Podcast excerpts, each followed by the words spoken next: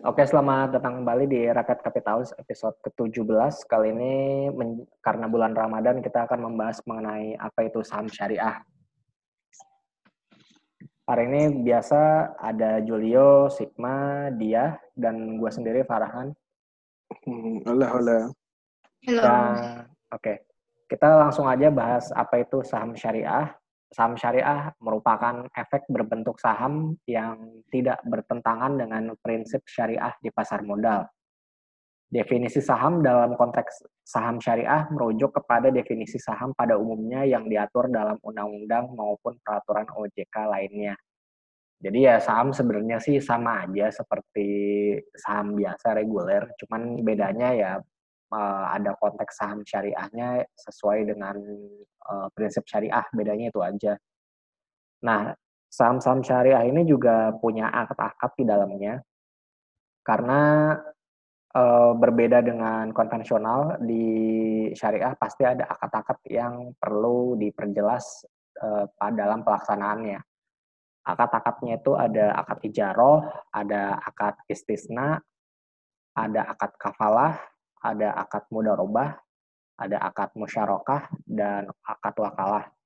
Mungkin bagi kalian yang baru pertama kali dengar ini apa ya sebenarnya akad-akad ini, kita coba akan jelasin secara sederhana satu persatu dan mungkin ada yang banyak yang miss karena gue juga bukan ahli syariah, jadi eh, mohon dimaklumi dan kalau misalnya ada yang koreksi bisa di komen di bawah eh, kolom komentar ya. Yang pertama itu adalah ijaroh, Ijarah itu sebenarnya akad sewa menyewa. Nah, uh, mungkin sewa menyewa ada yang bisa ngasih contoh nggak di dalam saham itu apa akad sewa menyewa di dalam saham kira-kira? Halo? Di dalam saham akad sewa menyewa ya? Iya, ada nggak sih sewa menyewa Repo. saham? Repo. Iya, itu sewa menyewa kan? Nggak boleh deh. Dia kan ada kayaknya dia jatuhnya riba deh. Jatuhnya riba ya? Iya kan Apa? kan dia bunganya kan Repo. maaf ya bunganya kan besar tuh. Nah Hmm. di mana dia harus muterin cashnya duitnya itu buat eh, imbal hasilnya yang besar itu. Habis itu kedua kan kalau nggak salah yang maaf ya barang-barang yang direpoin ini kan saham-sahamnya kategorinya tanda kutip nih saham gorengan. Sedangkan saham-saham syariah itu ada kategorinya nih di saham syariahnya. Kalau nggak salah tuh utangnya itu di bawah 40%. Nah, itu nanti itu nanti kita bahas, nanti kita bahas. Ya, itu. iya. Ah, Cuman Tapi yang sewa menyewanya ini. ah gimana gimana? Uh, gimana? singkatnya sih, ya secara singkatnya ijaro itu dia pemindahan pemindahan manfaat atas suatu barang Hmm. tanpa diikuti kepemilikan. Oh, jadi ya sebenarnya kan nyewa menyewa tuh barangnya tetap punya si orangnya kan. Hmm. Tapi Hmm, ya bedanya ya. gimana gimana gimana gimana. Day trading gitu nggak sih? Hmm? Day trading. Bisa nggak kalau one day trading? Jadi lo lo beli pagi, jual sore kan itu lo cuma Hmm. kayak mindahin Nggak ada. Nggak nggak nggak ada kepemilikan kan? Oh iya iya iya iya. Iya bisa jadi Ah. sih. Bisa jadi bisa jadi kayak gitu bisa jadi. Karena kan itu ibaratnya ya kita cuman mem- apa sih kayak pindahin barang dari satu orang ke orang lain udah gitu aja kan. Iya. Ah. Makanya kalau bahkan misal pindah. Heeh, kalau misal kalau buka akun syariah, kalau nggak salah one day trading itu juga nggak bisa. Masa? Oh gitu. Iya, coba aja buka kan ada tuh sekuritas yang punya apa sih namanya akun syariah kan, saham Hmm. syariah. Emang nggak bisa mah on day trade? Coba aja. Enggak, Setahu lu gue nggak bisa ya. Oh, setahu lu nggak bisa. Cuman gue belum pernah nyok, gue nggak Hmm. pernah buka sih ya. Jadi gue nggak tahu one day trade tuh bisa atau enggak. Mungkin kalau ada yang punya Hmm. pengalaman, punya apa? Pengalaman Bisa share ya. syariah ya bisa di share ya. So kayak gimana gitu? Hmm. Apakah bener eh, nggak boleh nggak Hmm. bisa one day trading atau gimana? Karena jujur di Hmm. antara kita semua nggak ada yang punya akun Belum. syariah ya. Iya. Iya. Heeh. Nah, selanjutnya kita bahas istisna. Kalau gua nggak salah nyebutnya ya. Itu adalah akad jual beli dalam bentuk pemesanan pembuatan barang tertentu dengan kriteria dan persyaratan tertentu yang disepakati antara pemesan, pembeli, dan penjual. Ya, sebenarnya ini apa ya? akad jual beli pakai pakai pesanan sih kayak bikin mungkin kayak bikin reksadana apa ya? Ada kan kayak gini? Jadi kriterianya sesuai sama kesepakatan antara orang yang mau investasi sama yang punya reksadananya. KPD Iya ya? sih? Iya KPD ya, kontrak pengolahan dana ya jatuhnya ya. Mungkin. Hmm. Atau eh, kalau Hmm. misalnya saham gue kurang tahu, tapi yang kalau reksadana sih jelas sih mirip kayak kontrak pengolahan dana sih. Hmm, Iya bisa jadi sih. Nah, selanjutnya kita bahas mengenai kafalah. Ini jaminan yang diberikan oleh penanggung kafi, kafil kepada pihak ketiga untuk memenuhi kewajiban pihak kedua atau yang ditanggung. Jadi si apa? Si penanggung ini punya jaminan yang diberikan kepada pihak ketiga untuk memenuhi kewajiban kedua pihak apa? Kewajiban pihak kedua atau yang ditanggung. Ini apa ya jatuhnya ya? Kayak kepe nggak sih? Obligasi. Bingung gue nih. Ini gue agak bingung sih. Ini gue agak agak bingung kalau yang ini. Nah mungkin kita langsung Se- gimana gimana? contoh. Ah. Langsung lanjut aja nih. ya. Udah roboh. Nah, eh, kita lanjut aja ke mudarobah. Ini Hmm. mudarobah ini akad kerjasama suatu usaha antara dua pihak, di mana pihak pertama sohib mal dan menyediakan seluruh modal, sedangkan pihak kedua bertindak sebagai pengelola. Keuntungan usaha dibagi-bagi di antara mereka sesuai dengan kesepakatan. Nah, ini reksadana nih. Ini jelas reksadana banget. Jadi kan kalau reksadana itu kan misalnya kita buka apa Rekening. Iya, buka rekening di reksadana. Nah, itu kan apa? Menyerah men- apa si pihak itu kan menyediakan seluruh modal, si investornya menyediakan seluruh modal. Nah, si pihak kedua atau si manajer investasi ini pelaku pengelola dan keuntungan itu kalau misalnya ada keuntungan saham segala macam dibagi bersama sesuai dengan kesepakatan. Dan kalau misalnya ada fee itu juga disepakatinya di awal. Ya kan? Kayak gitu kan kira-kira Iya. Yoi, yoi. Eh, sorry, mau gimana? nambahin yang kafalah tadi itu kayaknya Hmm. mungkin mirip kayak margin trading kali ya. Jadi intinya gini, lo mau beli barang, lo udah mau mesen nih barangnya, cuma modal lo tuh kurang, jadi lo perlu minjem duit dari pihak ketiga. Bukan margin nggak boleh ya di syariah ya? Iya, gue Iya, pikir mak- gitu. Iya. Tapi maksudnya seakan-akan kayak gitu gitu prinsipnya. Iya. Heeh, Hmm. jadi lo ya istilahnya lo beli barang tapi itu bukan pakai duit lo gitu. Hmm. Kayaknya nggak boleh deh, mah kalau margin. Serius deh.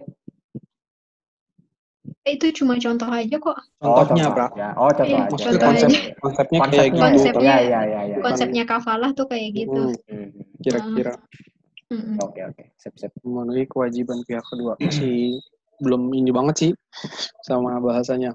Nah, yang Iya. Selanjutnya kita bahas musyarakah. Hmm. Ini pembiayaan berdasarkan akad kerjasama antara dua pihak atau lebih suatu usaha tertentu, di mana masing-masing pihak memberikan kontribusi dana dengan ketentuan bahwa, bahwa keuntungan dan risiko akan ditanggung bersama sesuai dengan kesepakatan para pihak. Ini Hmm. ada nggak ya kayak gini? Kayaknya nggak ada ya. Pembiayaan berdasarkan akad antara dua pihak. Soalnya keuntungan dan risiko ditanggung bersama. Kayaknya nggak ada sih, setahu kontribusi gue. Tahu gue nggak ada deh. Nggak ada. Kalau crowdfunding nggak kayak gitu ya? Iya enggak. Ya Enggak keuntungan, ya kerugian yang ditanggung sama si itunya. Eh, crowdfund. Ini kan kita bahas bahasnya dalam konteks saham syariah sih. Oke. Nah, terus lanjut. Tapi kan ini ini Gimana? ini semua kan bukan ini akad-akad yang digunakan dalam penerbitan efek syariah ya. Iya, efek syariah di pasar Oh modal jadi Indonesia. setiap hmm, setiap efek syariah itu hmm, akadnya beda-beda kan.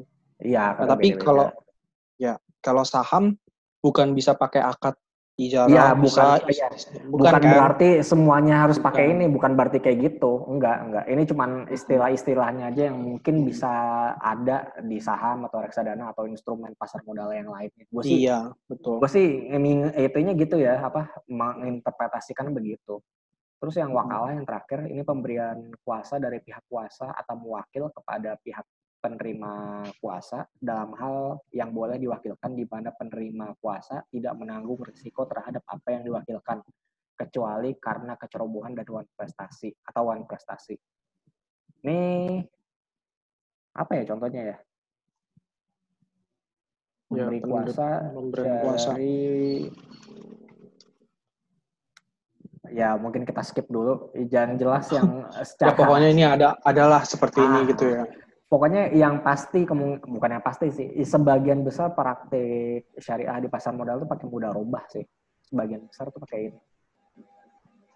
Sebagian besar. Hmm, yang wajah yang sebagian besar pakai mudharabah sih. yang ini Jadi ya, ada yang pengelola, ada yang investor gitu. ya ada yang pengelola ada investor keuntungan dibagi bersama sesuai dengan kesepakatan awal. Itu yang rata-rata dilaksanakan di Hmm. syariah tuh ini sebenarnya kita langsung lanjut aja persyaratan syari- saham syariah nah ini seru nih Soal yang pertama, emiten tidak melakukan kegiatan usaha sebagai berikut. Yang pertama, A. Perjudian dan permainan yang tergolong judi. Itu jelas ya. Jadi macam model saham.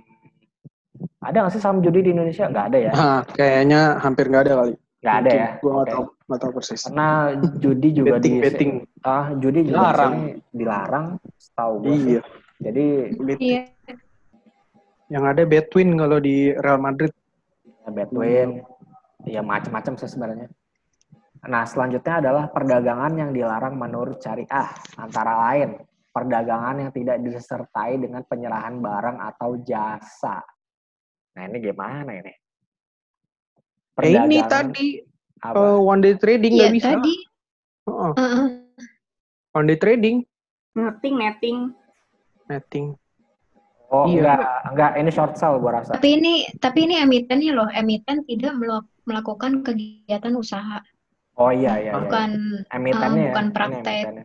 Heeh. ini bukan prakteknya. Ini emitennya nggak Oh, boleh. Barangnya tuh Oh iya, eh, sorry, sorry, sorry. apa? Nggak disertai penyerahan barang.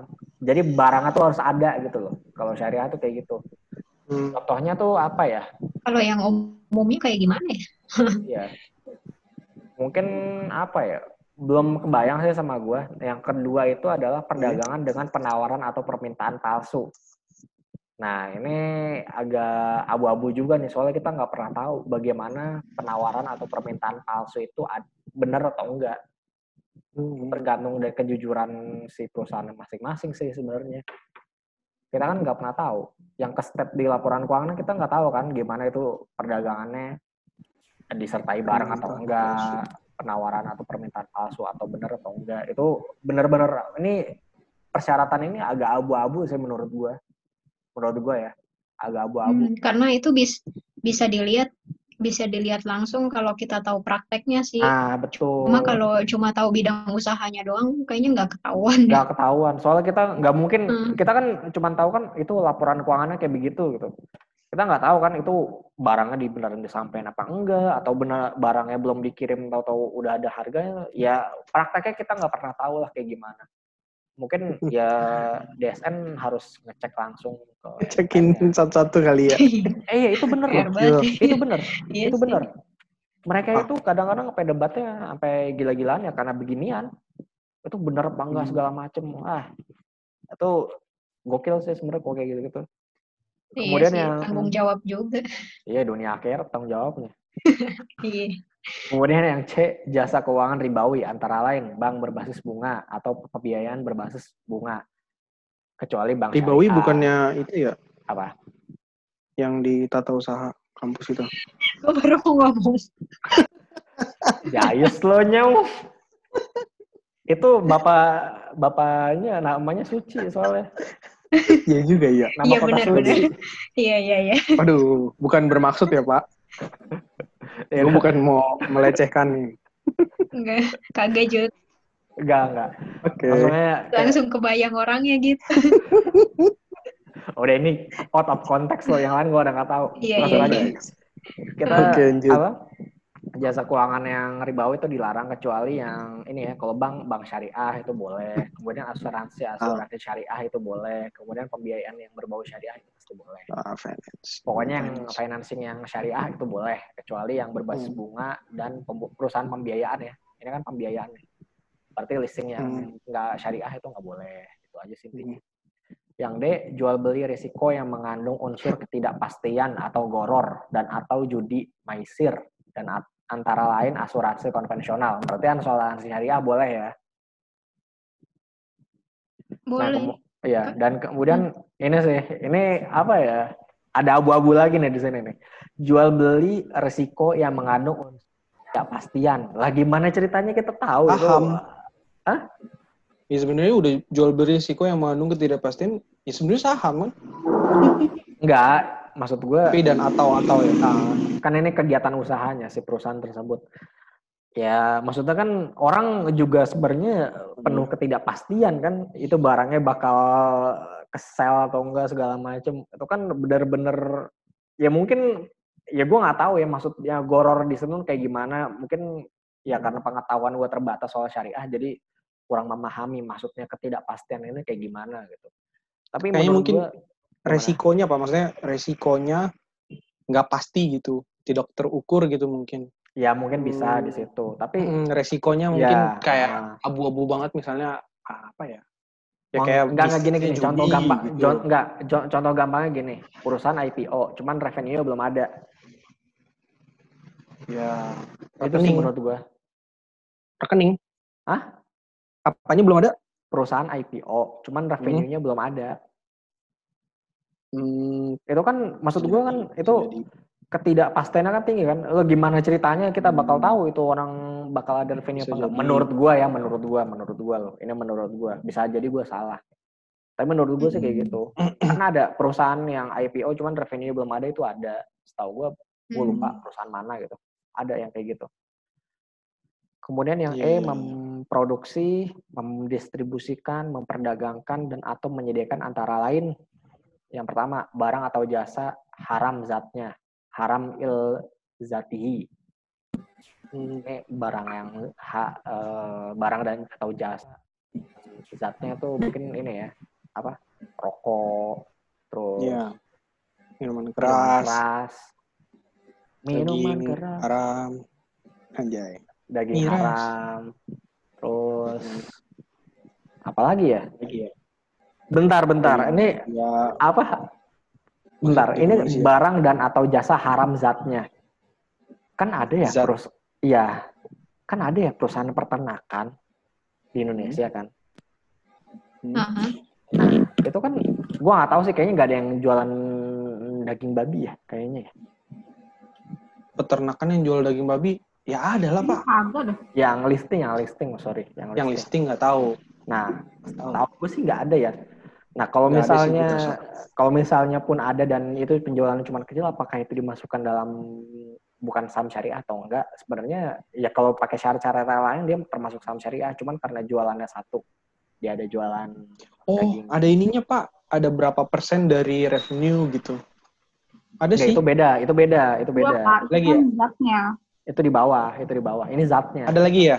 Ah, itu zat di bawah terus yang kedua adalah Hmm. barang atau jasa haram bukan karena zatnya haram li goiri ah. Ligoirihi, yang ditetapkan oleh DSN MUI. Nih gue kurang tahu kayak gimana. Barang atau jasa yang merusak Kayaknya itu moral. perbankan sih. Zatnya. Perbankan bukan karena zatnya kan, tapi Oh, iya, karena iya, jual iya, belinya. iya. Betul, Eh, betul, betul, karena betul. transaksi. Betul, betul, betul, betul, betul. Yang terakhir ini barang atau jasa yang merusak moral dan atau bersifat mudarat. Ya, jual narkoba atau apa. Ini intinya kayak gitu sih. Iya, Oh. bisa bisa. Atau trafficking, perdagangan orang atau Iya. atau Perbudakan. prostitusi, Iya. perbudakan. Itu kan Iya. nggak boleh. Kali ada emitennya gitu. Tapi ada aja sih di luar negeri tuh ada aja, Ada coy. Kali Ada, coy. merusak Di luar moral. negeri mah ada aja merusak moral itu. Iya. Ya mungkin kalau misalnya Tinder Iya, gitu diang, dianggap perusak mona- moral gitu, Tinder atau Oh, enggak. bisa. Bisa, Bisa, iya. bisa. Dia Bisa, IPO bisa. gitu. Kayak Udah dia nggak masuk saham saham kayak itu kan titik-titik hub gitu kan. Itu kan juga Ya. merusak moral. Oh kan. iya, iya. moral. benar-benar. Yang titik-titik hub Perno, gitu. perno, perno hub itu ya. Ya, oh, titik-titik hub Tapi emang di listing kan? Yang Ya, gua nggak tahu sih kan kita enggak. nggak tahu. Kita nggak tahu. Setahu gue sih enggak sih. Kalau dia listing gila sih. Oke. Eh tapi kan itu bukan bisnis yang uh, ilegal di US ya? Nggak tahu sih. Iya, itu enggak, Le. Itu legal, legal itu legal. Legal sih, Legal. boleh Di sah-sah aja. Jepang sah-sah aja. Jepang legal asal disensor itunya. Tapi ada juga yang, ya udahlah, ntar ketahuan gue sering nonton. Anjay lu. Pak lu Skip, skip. nonton juga Pak, kacau lu. Waduh. Pak, Alah, ini ada soalnya ada di ini.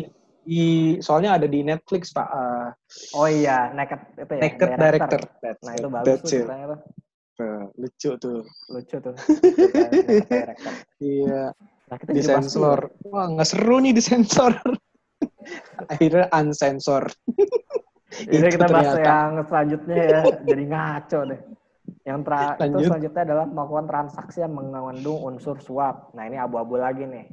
Kita nggak pernah tahu Iya. transaksi yang dilakukan perusahaan itu mengandung suap apa enggak. Ya, iya, mungkin dia eh, ada mungkin emitennya ke, eh, nyuap petugas Ya. pemerintah Orang untuk mana dapat mau izin. bilang-bilang. Kenapa? Hah? Iya. Yang orang mau nyuap mana mau bilang-bilang kan. Iya. Misalnya Paling nih gua mau ah biar lancar ya. Iya lancar. Ya iya keta- ketahuan. Misalnya kan, misalnya kan enggak. Misalnya nih ada saham, eh, saham A, dia masuk eh, daftar saham, daftar efek syariah, ya kan? Terus ketahuan di berita dia nyuap eh, Bupati Bekasi, misalnya gitu kan, ya kan? Habis itu ketahuan di berita, ya udah dia dikeluarin lah dari daftar, daftar efek syariah. gitu Iya, aja. itu kalau ketahuan kan. Kalau nggak ketahuan Iya, kan kita nggak kalau nggak tahu. ketahuan ya nggak, ya nggak bisa lah. Kan sebenarnya juga kalau ketahuan semuanya. Nah, selanjutnya yang kedua itu adalah emiten memenuhi rasio-rasio keuangan sebagai berikut. Nah, ini nih yang udah dibahas dia tadi nih. Total utang yang berbasis bunga dibandingkan dengan total Hmm. aset lebih dari 45%.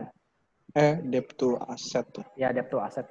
Jadi sebenarnya perusahaan syariah ini bisa dibilang adalah perusahaan yang kemungkinan besar itu perusahaan sehat. Itu aja sih. Bisa sih, betul. Karena der, apa sih debt to asetnya itu eh, rendah banget 0,45 doang nggak lebih dari nggak nyampe satu malah jadi itu sebenarnya sih sangat sangat sangat aman sih kalau bisa dibilang Tapi itu debt to asset ya, bukan debt to ya debt, equity. bukan debt to equity debt to asset yang terakhir adalah total pendapatan bunga dan pendapatan tidak halal lainnya dibandingkan dengan total pendapatan usaha atau revenue dan pendapatan lain-lain tidak lebih dari 10%. Nah, tadi yang gue bilang kan, gimana kalau misalnya perusahaan peternakan dia ada jualan babi gitu. Nah, mungkin kalau misalnya Hmm. nggak lebih dari 10% itu mungkin masih bisa masuk. Itu aja Iya, sih. betul. Betul. Nah, gue mau konklusi yang terakhir nih.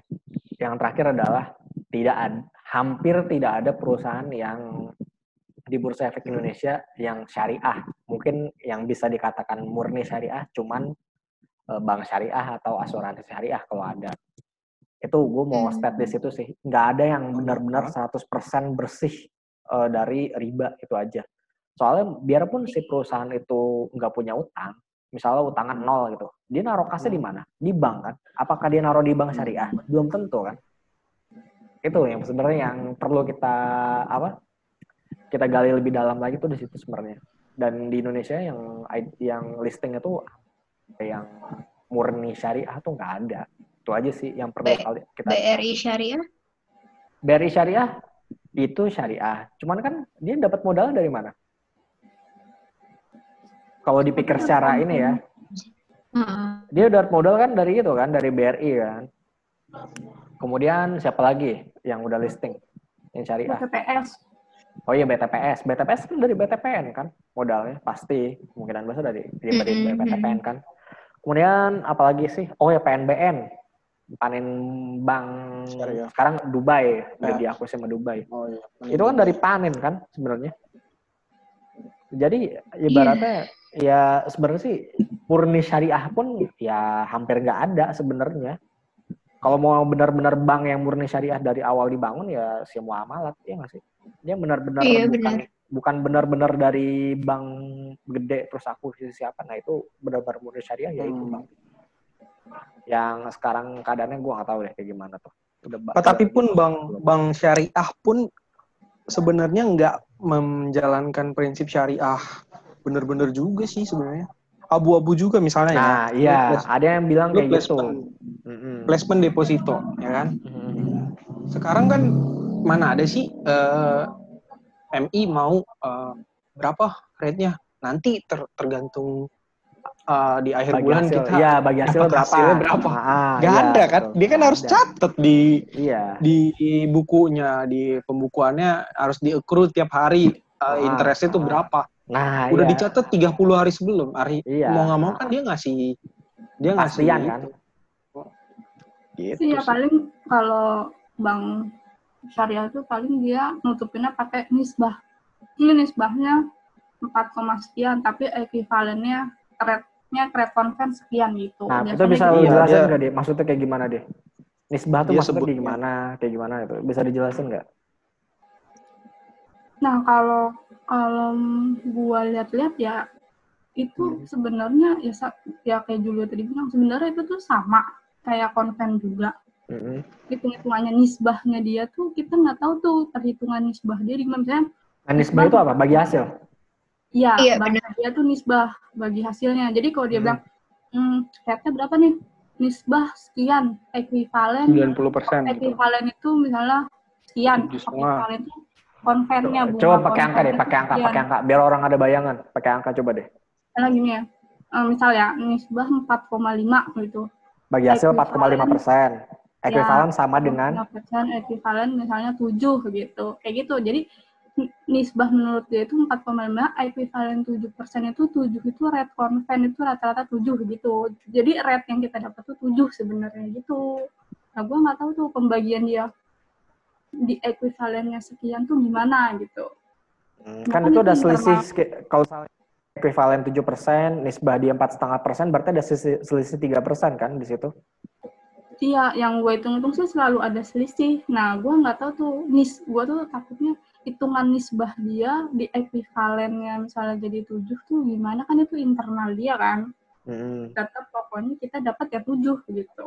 Hmm. Jadi kalau dia bilang nisbah sekian, kita harus tanya rate-nya yang pasti berapa gitu. Mm-mm. Tetap aja fix, Hmm. harus fix sekian gitu. Iya. Hmm.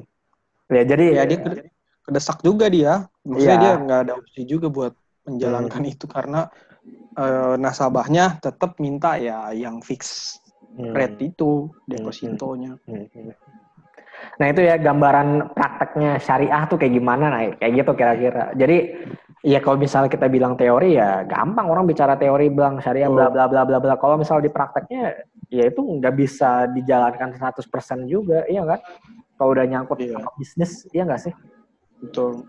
Masih ya, kalau menurut gue juga iya masih abu-abu praktek syariah di Indonesia Nah sih. iya itu masih abu-abu. Tapi emang sih Indonesia itu menurut seminar yang udah pernah gue ikutin lebih hati-hati dibandingkan sama Malaysia. Ada yang bilang kayak gitu.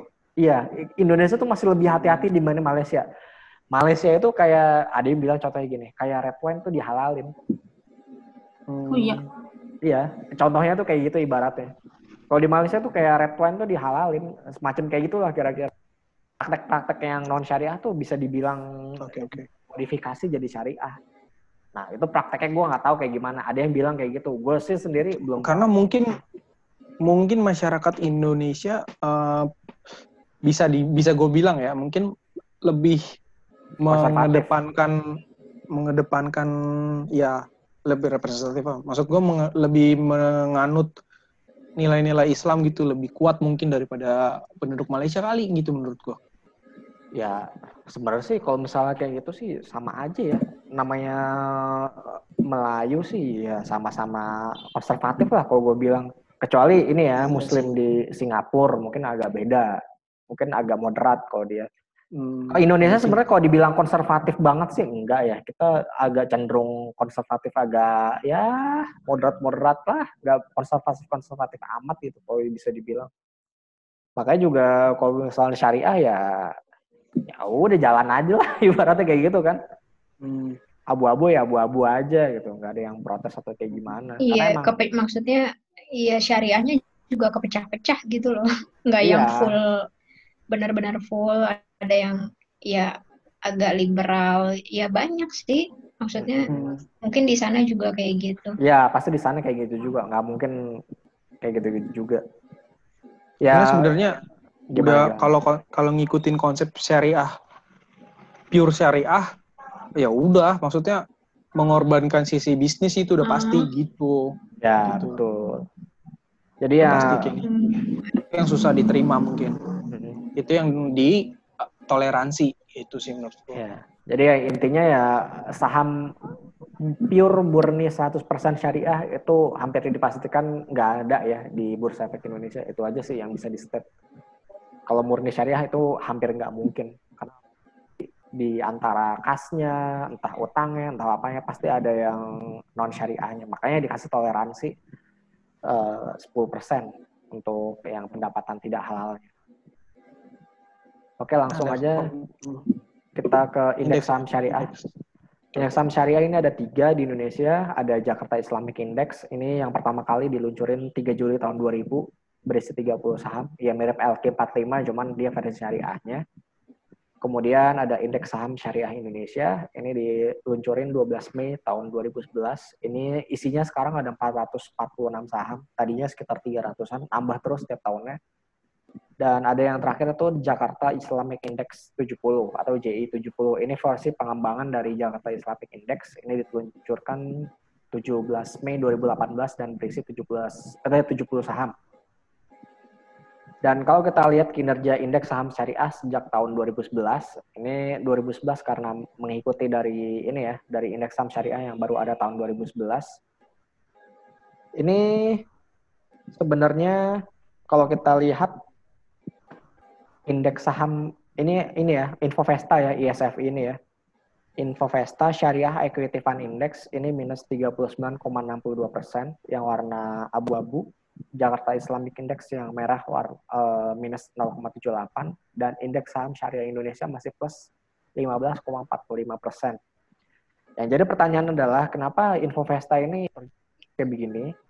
Mungkin gue bisa jawab sedikit karena kalau kalian ingat beberapa bulan yang lalu ada ini ada kasus eh, Jiwasraya segala macam itu kan ada reksadana syariah juga segala macam. Nah itu juga salah satu yang ya? mempengaruhi, iya ngedrag kinerja dari si Infovesta Syariah Equity Fund Index ini. Hmm.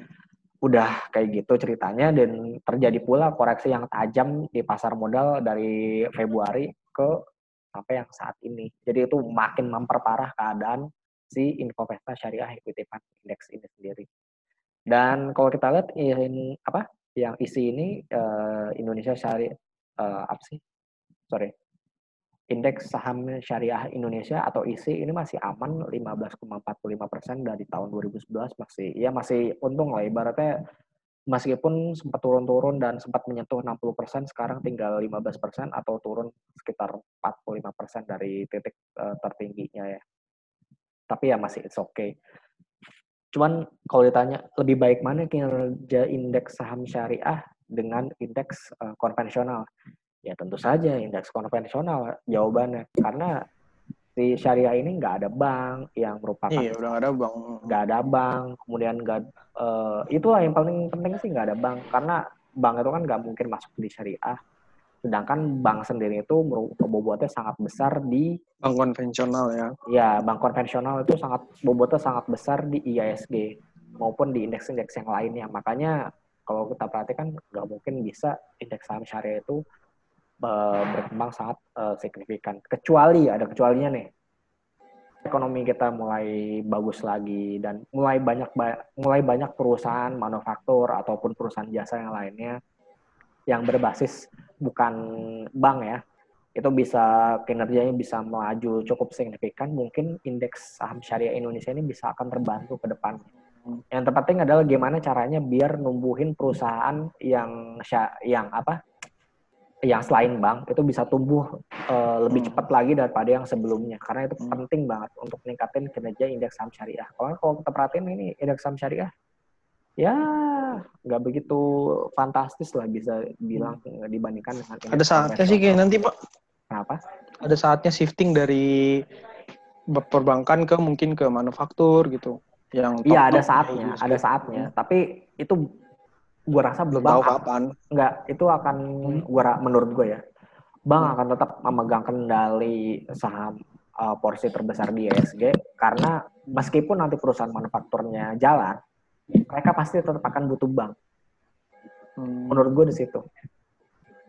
Itu yang ibaratnya yang akan terus banget tapi gini loh maksud gua. Dulu kan Telkom sempat oh ini kan sempat oh di posisi yang atas bak Hmm, sempat eh, posisi nomor satu kalau nggak salah Telkom Satu, itu. betul. kan karena banknya lebih kinerjanya lebih oke lagi dari Telkom ya kesalip si market cap Hmm. si Telkom Astra juga sempat masuk saham syariah waktu Iya. keuangannya bagus pas Hmm. keuangannya eh, keluar dari saham syariah karena utangnya ya dia lihat dulu utangnya udah lebih dari mungkin debt to asetnya udah lebih dari 4,45 persen. Hmm. Nah, selanjutnya kita mungkin akan bah- membahas market preview bagaimana IISG. Langsung aja. Kalau kita lihat di sini IISG eh, kemarin kan ini ya patternnya naik terus kemudian minggu ini turun dan menurut gue sih minggu depan kemungkinan IISG akan rebound kembali. Kalau kalian gimana menurut kalian? Kalau gue sih masih di area itu sih. Iya, Empat iya. berapa itu? Iya. Oh, Empat lima empat tujuh. 4.500 sampai 4.700. Terus Julio Eh, menurut Iya. ya gini gini gini gini. Ibaratnya ya sih itu ya geraknya gitu-gitu aja. Hmm. Iya. 44 itu tuh 4447. Iya Iya. 4.500 sampai 4.700. Udah begini-begini aja udah marketnya. Mm-mm. Kecuali kalau dia bisa lewatin 4.700 nah itu bisa beda lagi ceritanya. Tapi menurut Eh, gue res- result result belum semua kan? Result first Q belum Eh, rilis. Astra turun. Cuman Belum semua kan ya tapi Ya belum. Belum, belum. Yang udah tuh grup Belum. Astra. ya Si Ali bagus si Ali. iya iya. Oh ya, Ali malah bagus ya. Mm, Ali bagus. Soalnya kan rebound tuh. Hmm. Nah, jadi gimana kesimpulan untuk minggu depan? Kalau menurut gue sih, ini kita bukan bahas eh, range harga ya, kita bahas mengenai bullish atau enggaknya minggu depan. Kalau menurut gue, ya karena itu kita udah tahu kan, pasti range-nya di sekitar Oke, situ oke. kan. Kita bahasnya minggu depan tuh bakal bullish apa enggak. Kalau gue menurut gue, iya sih bakal bullish Hmm. minggu depan. Kalau menurut lo? Sideways. Saya tuh, ini udah saya tuh. Sigma. Bukan iya iya iya iya. Ini udah tuh ya, maksudnya. Bukan sideways-nya. Iya sih. Pak, tapi bener juga sih maksudnya gini. Kan kalau lu sebut gimana? bullish, ya kan? Hmm. Kalau kalau lu sebut bullish, ya berarti dia ya memang trennya bullish gitu, Pak. Kalau lu sebut bearish, trennya bearish. Enggak, Tapi gua, lu jangan lupa juga bahwa satu satu ways itu satu tren juga, Pak, gitu. iya, maksud gue gini loh. Minggu depan maksudnya kan eh, eh, bullish tuh maksud gue gini loh. Dari minggu ini. Sebenarnya bukan bullish bullish atau bearish berarti menguat atau melemah. Ya, Beda sama kayaknya. aja. Eh, Beda, Pak. Bullish Menguat itu tren. Eh udah lu intinya Intinya naik apa turun naik nah, naik gitu apa turun iya gitu naik kan sih kalau gue lo Oke, gue turun. dia Dengan naik tren tipis. Sideways. turun. Naik Iya, dia tipis. turun. Sideways. apa coba ya udah gue sama Sigma berarti naik Julio sama dia turun ya Iya. nah dengan dia, tren sideways dengan gitu. tren sideways nah Iya. gitu Nah, jadinya. ya. nah meskipun lagi tren sideways gue menurut gue pribadi ini mulai bisa coba kolek secara pelan-pelan saham-saham perbankan sih kalau gue melihat gue dari dari BNI dulu sepertinya ya ini menurut gue sepertinya penurunan dari saham ini udah ya udah kayak gini aja mau turun lagi Mungkin. juga ke sepertinya agak susah menurut gue Udah gitu valuasi dia paling murah juga sih. ya PI PBV tuh, PBV-nya. PBV-nya 0,5 kalau nggak salah Hmm. bank 0,5 bank BNI loh Bang paling murah. 0,5. Hmm. nggak paling murah Gila. sih cuman di antara bank besar dia yang paling murah Iya, iyalah. nah Iya begitu ini maksudnya, Pak. Apa si BNI sekarang supportnya di 3.750 resistance 4240 menurut gue ini boleh lah dibeli menurut gue ya nggak apa-apa dibeli secara pelan-pelan lah dan selanjutnya saham umat sejuta umat kita ada BRI BRI juga udah segini aja 2.600 agak su- 2.580 sampai 2.600 kayaknya udah agak sulit lagi Kayak- kalau untuk turun ke bawah dan resistance di 2.800 Kayak descending triangle. Kayak Iya, ya ya bisa sih kayak gini ya maksud lo ya. Gimana sih di scanning Iya, pokoknya gitu. Iya, Gini ya ya? ke bawah. Oh, Nah, nah, ya Terus gitu. yang bawahnya? Ya udah, segitu mm, datar Bawahnya datar ya? gitu kayaknya. Iya. Iya Sotoy. nggak? Oh gini. Iya gitu kira-kira. Gini maksud lo. Kira-kira Ini pattern bulls apa bukan sih? 25-an ya. Bulls ini ya? descending triangles itu Iya iya iya bulls sih bulls bulls bulls benar benar. benar. Kecuali yang kayak gini nih, ascending. yang gini. Eh terus gini, satunya gini. Nah kopolanya kayak gini, ini baru base support Ah, apa sih? descending triangle itu Miris. bearish chart pattern sih. Heeh. Iya, ini beres maksud gua. Mm-mm. Descending kalau descending. Iya, yang kayak gini kan resistannya tetap sama, Nah, itu supportnya Nah, itu tetap naik. ascending. Hmm. Ini pertanda beres kalau ini. Secara Ih. teori. Yang yang satunya apa yang bearish? Ini gue googling nih. Yang Iya, descending yang- yang bearish. Ah, Yang mana sih descending yang yang bawah. Descending yang yang bawah, Pak. Oh, menurut gua ini bakal beres berarti. Kalau gue baca emang- di Investopedia, in- descending triangle is a bearish chart chart pattern.